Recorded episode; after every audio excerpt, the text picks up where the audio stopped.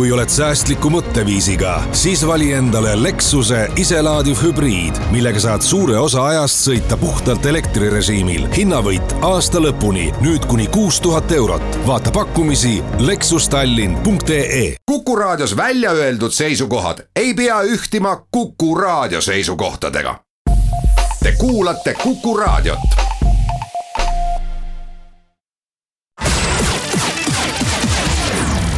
nädala Tegija. selle nädala tegija on Renault öömüük City Motorsis. ja tere nüüd ka Nädala Tegija stuudiost seekord on Nädala Tegija mikrofoni ees õiguskantsler Ülle Madise. tere, Ülle ja tere tulemast üle hulga aja Kukusse. tere päevast. saatejuht on Ulla Lents. eilse päeva seisuga on siis teinud oma otsuse riigisekretäri poolt kokku pandud komisjon, mis pidi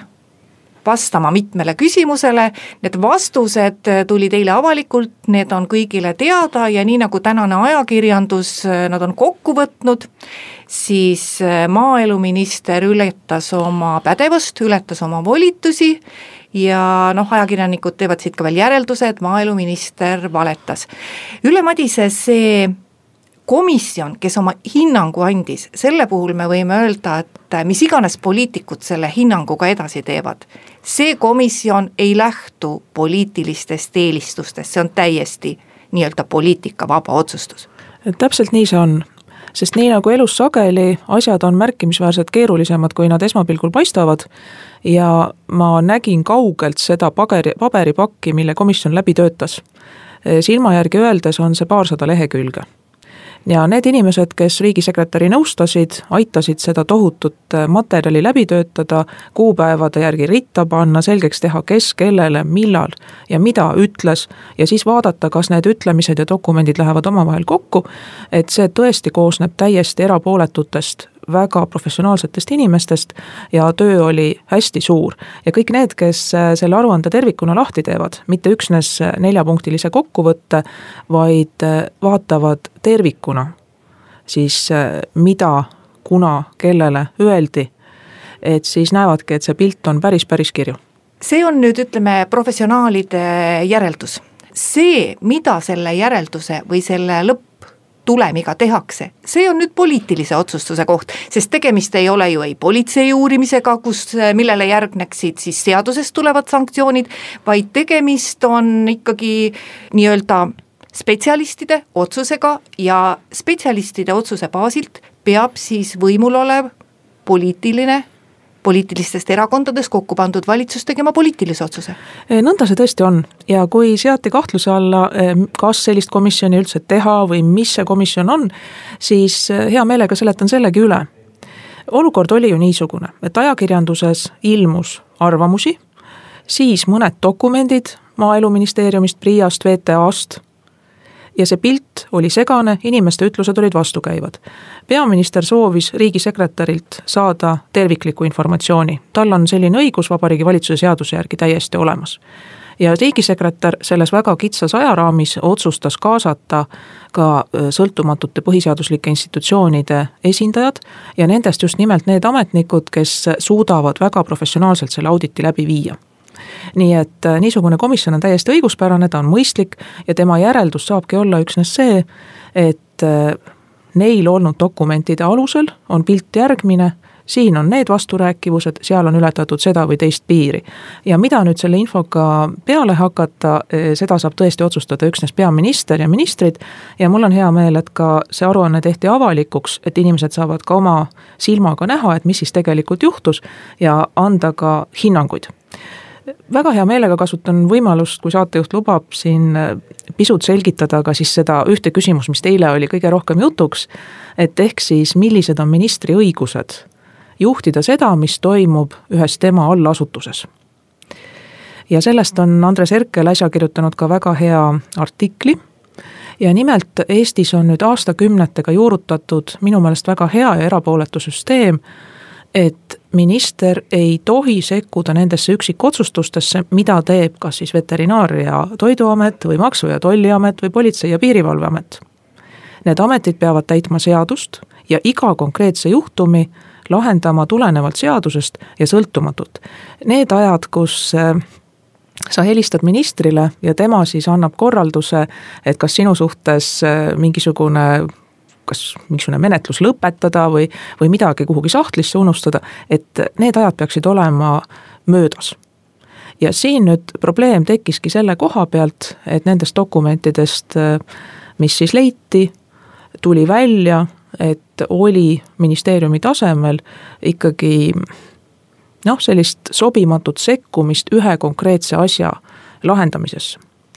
no vot need nimetatud asutused just nimelt, et kuna tegemist on järelevalveasutustega ja kui me antud juhul räägime siin Veterinaar- ja Toiduametist, noh, kellel on ju väga oluline roll kontrollida toiduohutust, et siis äh, iseenesest see seaduse säte, mis paneb paika, et nad on sõltumatud oma töös ja nendesse äh, tegevustesse poliitiline minister sellisel ju noh, sellisel moel noh, ütleme, kui me nimetame seda telefoniõiguseks või mille, millekski selliseks sekkuda ei saa, et see iseenesest on väga mõistlik ja praktiline ja väga loogiline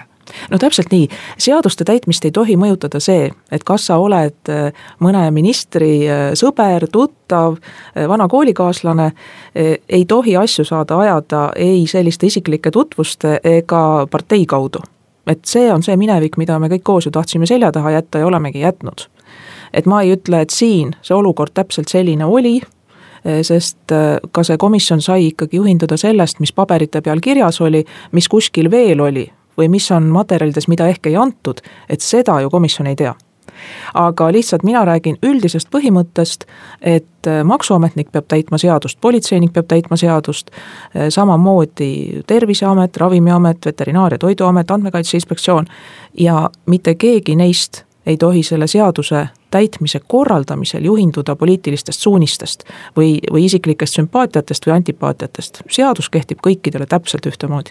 et selles mõttes äh, me isegi, meie ajakirjanikena võib-olla ei saa peaministrit väga süüdistada selles, et noh, et ta võttis aega venitamiseks, et ta selle komisjoni kokku pani, et see oli ainult nagu aja või võitmiseks ette nähtud, et et antud olukorrast vähemalt see tulem on objektiivne täpselt nii ja usun, et ka riigikontrolör, aga mina päris kindlasti ei oleks oma esindajat Taimar Peterkopile appi saatnud, kui oleks olnud kahtlus, et tegemist on mingisuguse eh, poliitilise viguriga või krutskiga, nagu vahest öeldakse. et minu arvates peaministri soov saada täpne dokumenteeritud ülevaade oli täiesti asjakohane, sest siin oli sõna sõna vastu ja see asi ongi väga keeruline, et lihtsalt ka kuulajale seda näitlikustada, et mõelge ennast näiteks ministri rolli ja siis teile üks nõunik ütleb, et selleks, et äh, PRIA saaks kohtus kriminaalmenetluses nõuda kahju hüvitamist, on tarvis ministri volitust keegi räägib, et üldvolitust, keegi teine, et erivolitust, siis räägitakse sulle tagasiulatuvast äh, mõjust, äh, siis kuuled kuskilt, et mingit volitust pole üldse vaja, et see olukord ongi ka tippjuhi jaoks erakordselt keeruline ja mis veel kord kinnitab, et õigusalane haridus ja kompetents on väga tähtis. ja olgu siin üle korratud, et kriminaalmenetluse seadustikus on tõepoolest erinorm, mis annab sellistes kriminaalasjades õiguse riigile tagasi võita seda raha, mis anti ekslikult me teeme siinkohal oma jutuajamisse väikese pausi ja läheme hetke pärast edasi. nädala Tegija. selle nädala tegija on Renault öömüük City Motorsis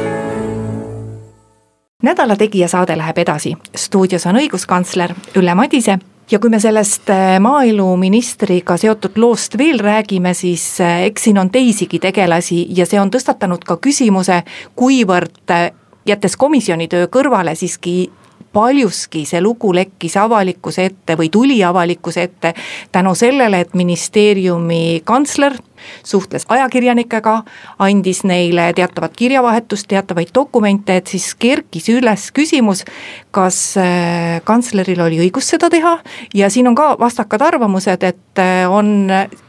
siinsamas saates nädal aega tagasi öelnud äh, haridus- ja teadusminister Mailis Reps, et tema hinnangul see ei olnud õige. on öelnud inimesed, et aga antud juhul, kui kõrge riigiametnik näeb, et tema ametkonnast välja tulev informatsioon on sulaselge vale, et siis tal ongi õigus sekkuda, sest ta teenib ikkagi maksumaksjat, et kuidas sellesse suhtuda? noh, mina võtsin selle vaidluse taustal loomulikult lahti seadused, nii nagu minu amet kohustab, ja ka siis ametniku eetikareeglid ja detaile täpselt teadmata saan öelda ainult seda, et juhul, kui avaldati andmeid, mis on mõeldud üksnes asutusesiseseks kasutamiseks, et siis oleks seadust rikutud. mina ei tea, et see oleks olnud nii. võimalik, et tuleb veel välja mingeid detaile, aga hetkel ei ole teada, et see nõnda oleks olnud. nüüd küsimus, kas selle materjali avaldamine oli õige või mitte või oleks tulnud äh, eelistada hoopiski selle materjaliga riigisekretäri või peaministri jutule minekut. noh, eks see olegi vaieldav ja siin on võimalikud erinevad lähtekohad. aga samal ajal on ametniku ülesanne igal juhul tagada seaduse täitmine, täita ise seadust kui keegi eksib, siis ka sellest teada anda. nii et, et veel kord, selle üle saab päris palju vaielda ja, ja keda huvitab, et siis, siis kasvõi rahandusministeeriumi veebilehelt leitav ametniku eetika reeglistik äh, annab päris häid juhiseid, et, et kuidas nendest asjadest mõelda no ma ei ole pannud ajakirjanikuna üsna pika aja jooksul tähele seda, et kui uus minister läheb ministeeriumisse, et siis ta vähemalt avalikkusele väga kurdaks oma kantsleri üle. et et noh, selles valitsuses on neid kurtmisi ette tulnud ja on esitatud asju ka sedamoodi, et noh, et mina olen ju siiski minister, mina peaksin seda ministeeriumi juhtima nii-öelda täie kogu mulle antud volitustega, et, et noh, et mis tähendab, et äh, kantsler teeb oma otsuseid, et kes seda ministeeriumi siis õigupoolest juhib? no kes seda ministeeriumi siis õigupoolest juhib? Põhiseaduse järgi juhib ministeeriumi minister, aga loomulikult ei saa see mitte kunagi tähendada, et ta võib käituda ise seadusevastaselt või siis sundida oma alluvaid, sealhulgas ka kantslerit, õigusvastaselt käituma. et need asjad ei käi niimoodi ja kui nüüd kõnelda kantsleri rollist, siis jällegi aastatega minu meelest oleme läbinud väga hea arengu, et kantsler peab olema jällegi elukutseline tippjuht ta peaks olema sõltumatu, me oleme ju näinud ka neid aegu, kus kantslereid püüti politiseerida, parteisse meelitada ja oligi samast äh, erakonnast minister ja kantsler, aga praegu on sinna tõmmatud joon vahele. ja asja mõte lihtsalt öeldes on selles, et kantsler peab vastutama, et ministeerium kui suur asutus töötab korrakohaselt. Toimuvad valimised, valimiste järel ja vahel ka valimiste vahel moodustuvad uued valitsuskoalitsioonid, koalitsioonilepped seal on eesmärgid, mida tuleb täita ja nüüd tulebki minister oma eesmärkidega. Need on ka valitsuses ilusasti üheselt ju kirja pandud, selle koalitsiooni tegevuskava, ka konkreetsemalt kui seesama leping, seal on ülesanded ära jagatud, mille eest üks või teine ministeerium vastutab, mis kuupäevaks midagi tuleb ära teha, ja kantsler on nüüd see, kes oma ministeeriumi inimestega peab korraldama, et need seaduseelnõud või siis investeeringud või muud otsused on tehtud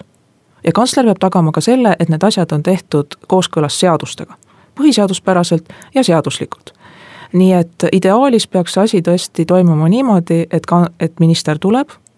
ta esindab teatud poliitilist suunda, see on tema õigus, nii see peabki olema, muidu ei oleks valimistel üldse mingit mõtet ja minister korraldab asjade elluviimise või kantsler korraldab asjade elluviimise. ja kui nüüd peaks tekkima olukord, kus kantsler hakkab vastu töötama, nii-öelda oma poliitikat ajama, siis on võimalik see kantsler koostöö mittelabumise tõttu ametist vabastada.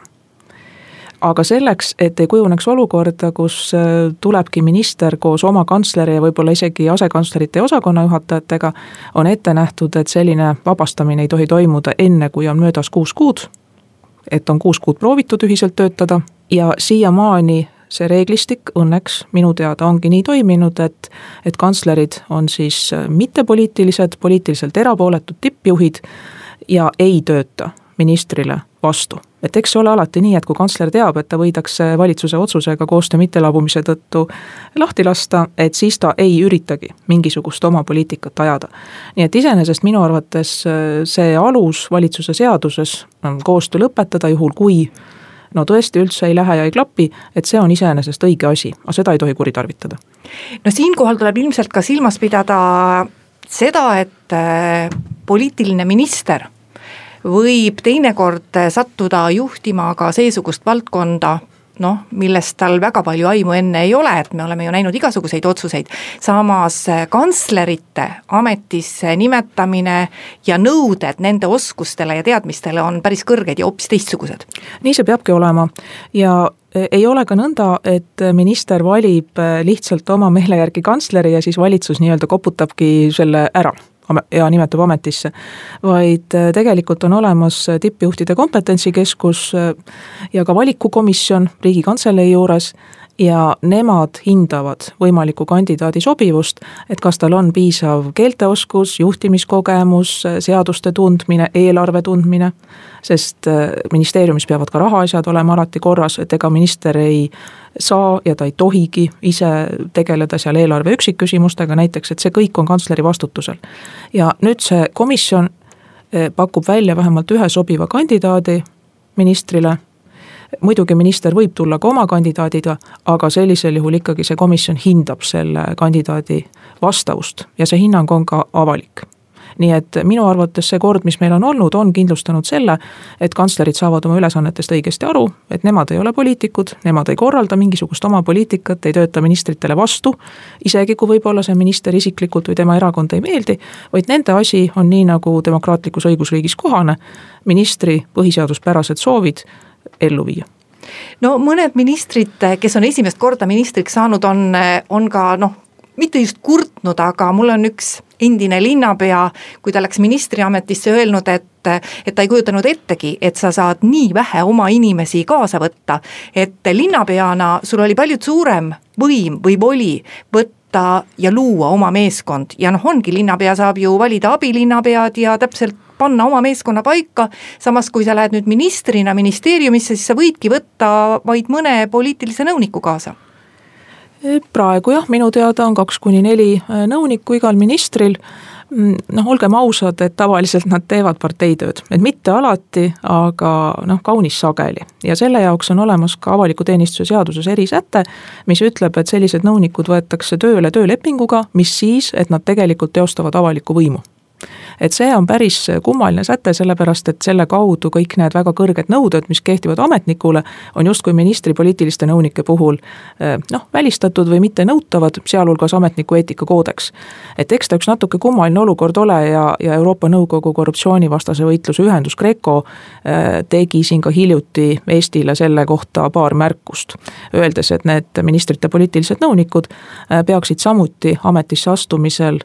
saama ülevaate sellest, et mida tähendab ametniku eetika, mida tähendavad huvide konfliktid, mida nad peaksid vältima, mida tähendab seaduslikkus ja et tegelikult peaks ka hindama nende majanduslikke huve et ennetada korruptsiooni. nii et mina ausalt öeldes sellest suurt probleemi ei näe, et, et nii-öelda oma inimesi ei saa kaasa võtta. sest kui kantsler teeb oma tööd korrakohaselt, siis mõistab ta valitsuse tegevuskava väga kenasti lugeda ja, ja oskab panna oma osakonnad asjakohaselt tööle me teeme siinkohal oma jutuajamisse pisut pikema pausi, kuulame ära Kuku raadio poolesed uudised ja siis räägime õiguskantsler Ülle Madisega edasi. nädala Tegija. selle nädala tegija on Renault öömüük City Motorsis. nädala Tegija saade läheb edasi. stuudios on õiguskantsler Ülle Madise ja veel eh, korraks tulles tagasi selle temaatika juurde, millest me nüüd esimeses saatepooles rääkisime, ehk siis eh, kuidas kujuneb ministri meeskond ja mida siis ministeeriumis saab teha minister ja mida saab teha eh, kantsler, siis meil on ju vot sa nimetasid ka, et meil on siin katsetatuid neid erinevaid meetodeid, meil oli ju üks selline aeg ka, kus prooviti neid nii-öelda abiministreid, kes olid siis eh, ministri, noh, tavaliselt olid nad erakonnakaaslased, aga see süsteem ennast vist väga ei õigustanud. no ei tulnud välja, jah. teiste teemade juurde asudes, mis on ka viimasel nädalal, lausa viimasel päevil kerkinud äh, teravalt päevakorda andnud väga palju aruteluruumi ja võimalust üks asi on ähvardamine, et kuna kerkis just üles suurima opositsioonierakonna juhile Kaja Kallasele tehtud ähvardus, mille puhul siis noh, põhimõtteliselt ähvardati ju grupiviisilise vägistamisega opositsioonierakonna liidrit ja tänaseks on teada, et politsei on jälile saanud, kes need inimesed, kes need ähvardajad olid ja on, on tulnud välja, et seesama seltskond on tegelikult ähvardanud ka teisi avalikus elus tegutsevaid naisi. ja väga paljude meelehärmiks teatas politsei, et äh, selle, sellel puhul ei ole alust äh, alustada menetlust. inimeste õiglustunne on nagu selles mõttes riivatud, aga no ma saan politsei seletustest ka aru, et nemad on seletanud seda sellisel moel, et et noh, et need inimesed ei ole asunud tegutsema. Aga ikkagi, et kuidas siis inimene ise, näiteks kuidas Kaja Kallas ise saaks seista vastu või ka kõik need teised naised seista vastu sellele, et neid ikkagi ähvardatakse sellisel viisil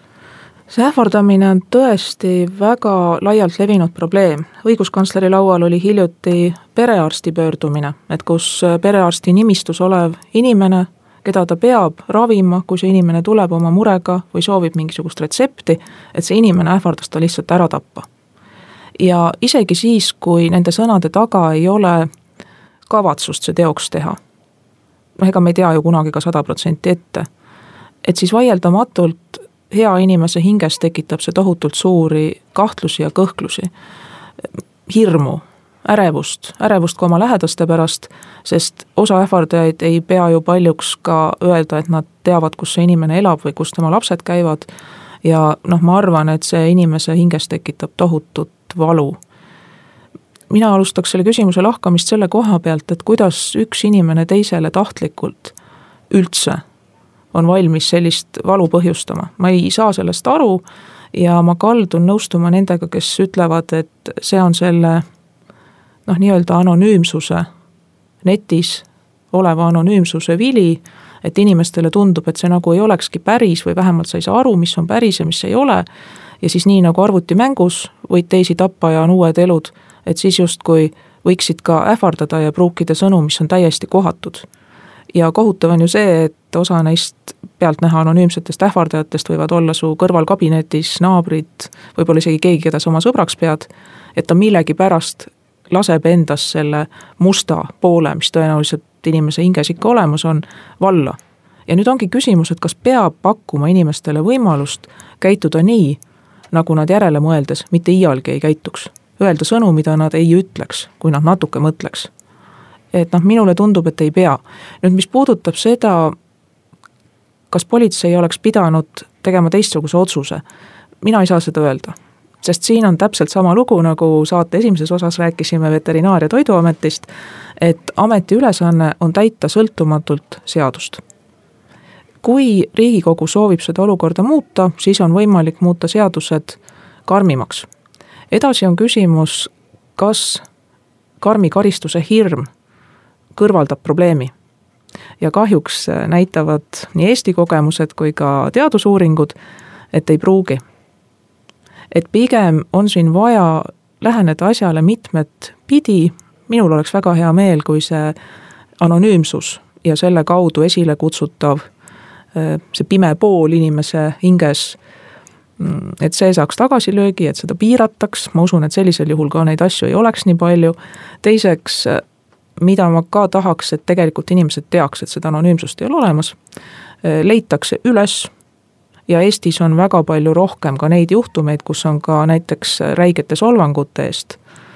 saadud kohtus ka hüvitis, on leitud inimesed üles, toodud kohtusse, siin mõned näited on avalikud, aga kuna meie ametkond kontrollib ka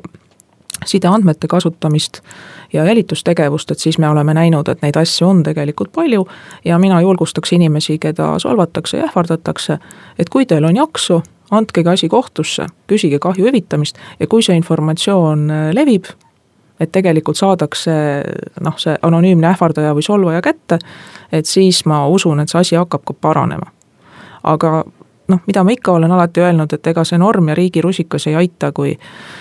kui inimene ise ei oska hea olla, et, et tasub oma hinge eest hoolt kanda, et see ei ole tegelikult nii, et kui sinu kohta öeldakse netis anonüümselt jõledusi,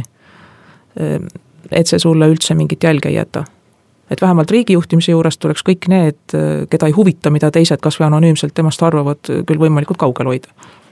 et selles mõttes on äh, inimesel võimalus, et kui politsei lähtuvalt äh, meie seadustest ei näe võimalust menetlust alustada, aga inimene ise, kui ta saab, noh, kui see asi kvalifitseerub ka solvamiseks, aga need ähvardused on sellised, et need on ühelt poolt ohtlik, mm, tekitavad hirmu, teiselt poolt on need ka solvavad. et kui on teada, kes on ähvardaja, et inimene ise saab pöörduda kohtusse. jah, moraalse kahju hüvitamisel on igaühel nõuda õigus ja elu näitab, et need, kes kohtukulli ette tuuakse, et need sellest ka üht-teist õpivad ja nende sõbrad samuti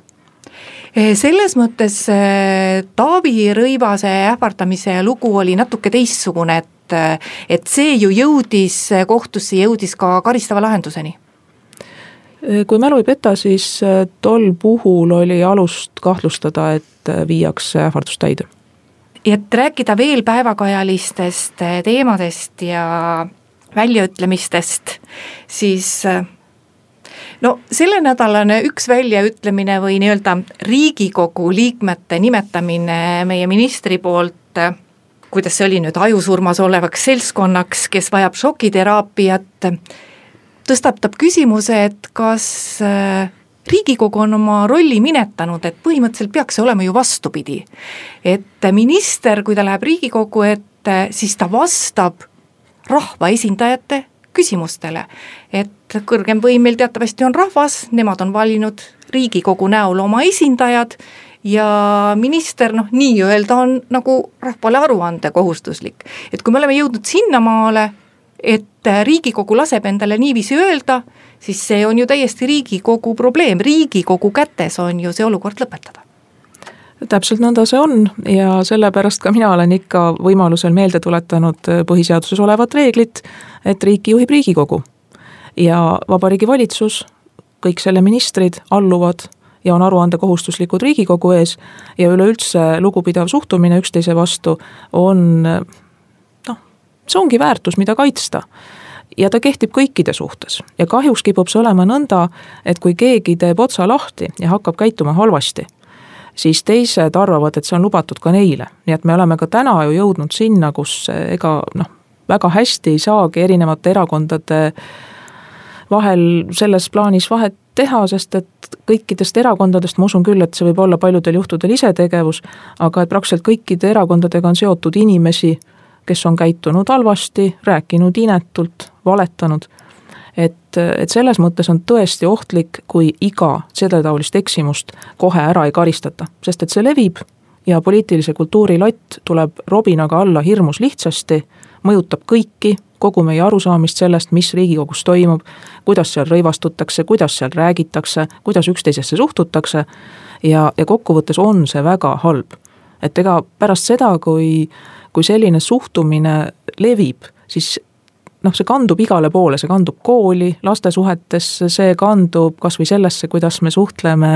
kassapidajatega poes või, või teenindajatega bensiinijaamas ja selle asemel, et olla lugupidav, sest absoluutselt iga amet on väärt, meil on neid inimesi vaja selleks, et meil oleks hea elada.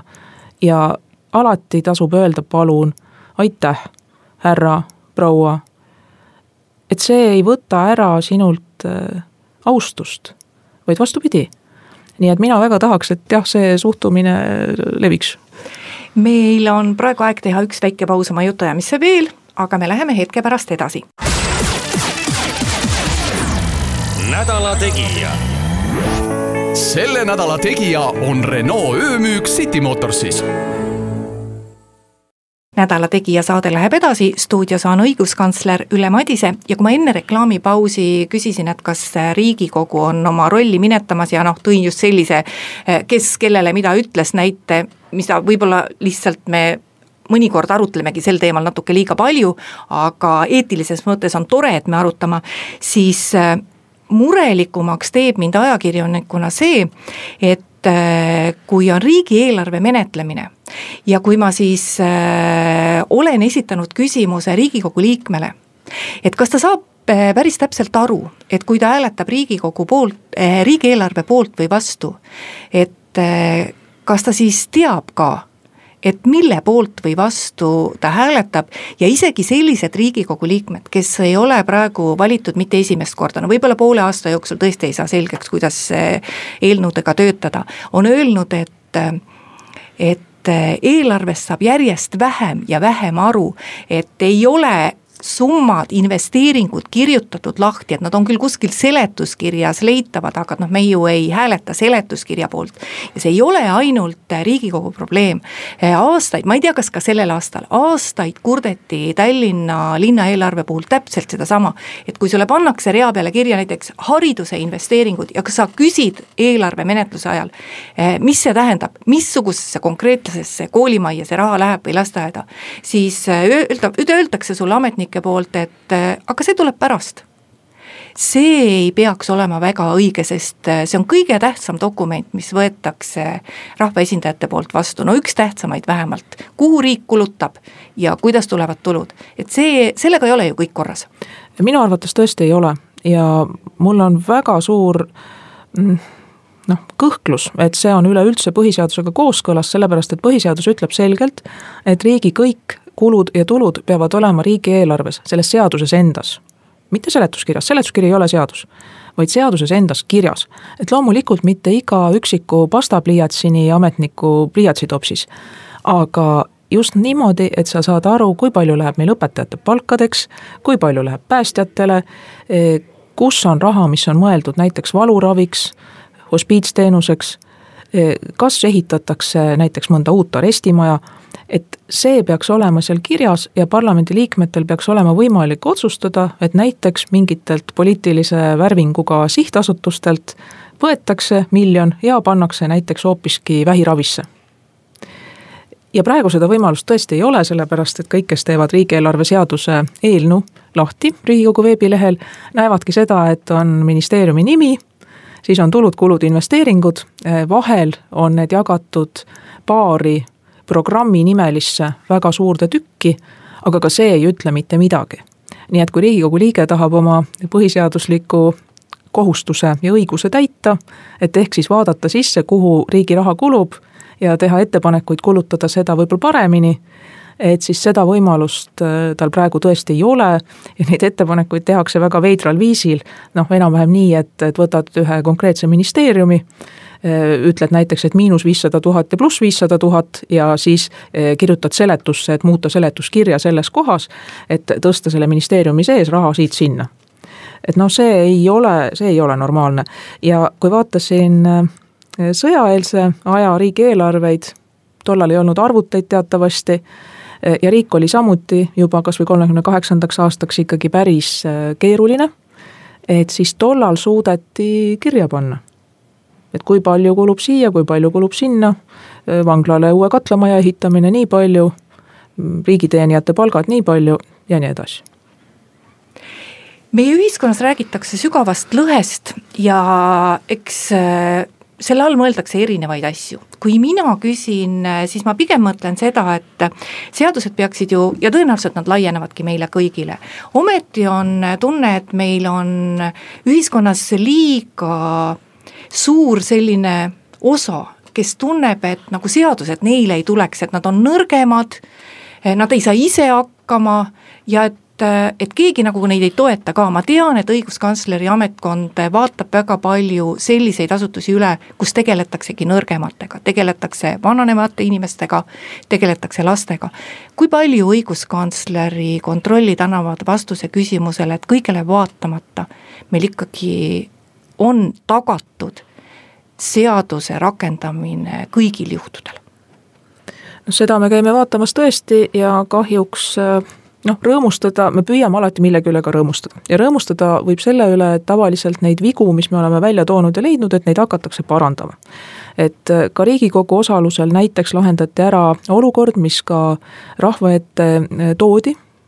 Et kus äh, hooldekodus elav pime, pime härra ei saanud endale teisipleierit, ehk siis äh, seadet, mis võimaldanuks tal lugeda, ja ei saanud seda sellepärast, et ta elas hooldekodus, oleks elanud kodus, oleks saanud, et tehti seadusemuudatus ja see probleem lahenes. et jällegi, kui sa ise selle küsimusega vahetult kokku ei puutu, siis võib tunduda, et noh, mis seal ikka, noh, et juhtub ja nii. aga kui sa mõtled ennast selle inimese rolli, siis see olukord on sügavalt ebaõiglane. nii et õnneks saab öelda, et asjad lähevad ka paremaks. aga jätkuvalt noh, koolides ei ole küllaldaselt tugispetsialiste, lasteaedades ei jätku logopeede, hooldekodudes ei jätku hooldajaid, kohatasud on paljude inimeste jaoks liiga kõrged, sest tegelikult väga paljud eakad pigem sooviksid oma lastele lastelastele anda mitte ei soovi, et nende kulusid kinni makstakse. ja mina küll loodaksin, et Eesti õige pea jõuab nende riikide sekka, kus inimene saab omaenda pensionist oma hooldekodu tasu katta ja et jääb veel natuke ülegi, et kas mõni väike kingitus teha või, või kui tervis lubab, siis teatrisse või kinno minna. et, et noh, ma väga püüan teha kõike mõeldavat, et me jõuaks selleni. ja mulle tundub, et on hakatud ühiskonnas ka sellest teemast palju rohkem rääkima. kui ma ametisse asusin, siis märkasin, et vahel naeruvääristati seda, et, et õiguskantsleri kontrollkäigu järel avaldati raport, kus muuhulgas öeldi, et, et kui äh, eakaid hooldekodu inimesi näiteks pestakse niimoodi, et nende väärikust ei austata, nende privaatsust ei austata, kui on vaja seal teha ka muid hügieenitoiminguid, mis inimese jaoks on piinlikud, aga ta ise enam neid teha ei suuda, et siis noh, siis oli see justkui naljakas, et noh, näed, loeb vetsupotte kokku. Aga praegu enam nende teemade üle keegi ei naera. et võib-olla õnnestus ka natuke parema nurga alt seletada, sest kui meie inimesed siis küsisid nende käest keda pesti ja puhastati teiste ees või nii, et ka külastajad nägid, uksed lahti, kardinaid pole. et mis nad ise sellest arvavad, et siis väga paljud vastasid kurval häälel, et noh, mis ma ikka, et, et ega ma ei olegi ju enam inimene. Ja see läks väga paljudele südamesse ja siin ma suudan küll öelda, et me rääkisime neid jutte ka kõikides Riigikogu fraktsioonides, eranditult kõik fraktsioonid elasid kaasa ja on andnud päris palju selle nimel, et need asjad äh, hakkaks paranema nii et, et mulle tundub, et see suhtumine muutub nendes küsimustes ikka oluliselt paremaks. aga see probleem, et paljud tunnevad nüüd, kui me ei räägi hooldekodu elanikest, vaid, vaid räägime nendest, kes näiteks elavad tõmbekeskustest kaugemal, et, et paljud tunnevad, et nad ei saa endale lubada seda, mis on ühiskonnas normaalne. et näiteks hambaravi või siis pisikest tagavara mustadeks päevadeks, et seda nimetatakse ilmajäetuseks, et, et neid inimesi on üksjagu ja see on jälle asi, millega minu meelest tuleks äh, kavakindlalt võidelda, et see ei pea nii olema. ja ongi meie saateaeg läbi saanud. aitäh tulemast Nädala Tegija saatesse, õiguskantsler Ülle Madise. Saatejuht ütleb siinkohal aitäh ka kuulajatele kuulamise eest ja järgmine Nädala Tegija saade on eetris nädala pärast, kuulmiseni. nädala Tegija selle nädala tegija on Renault öömüük City Motorsis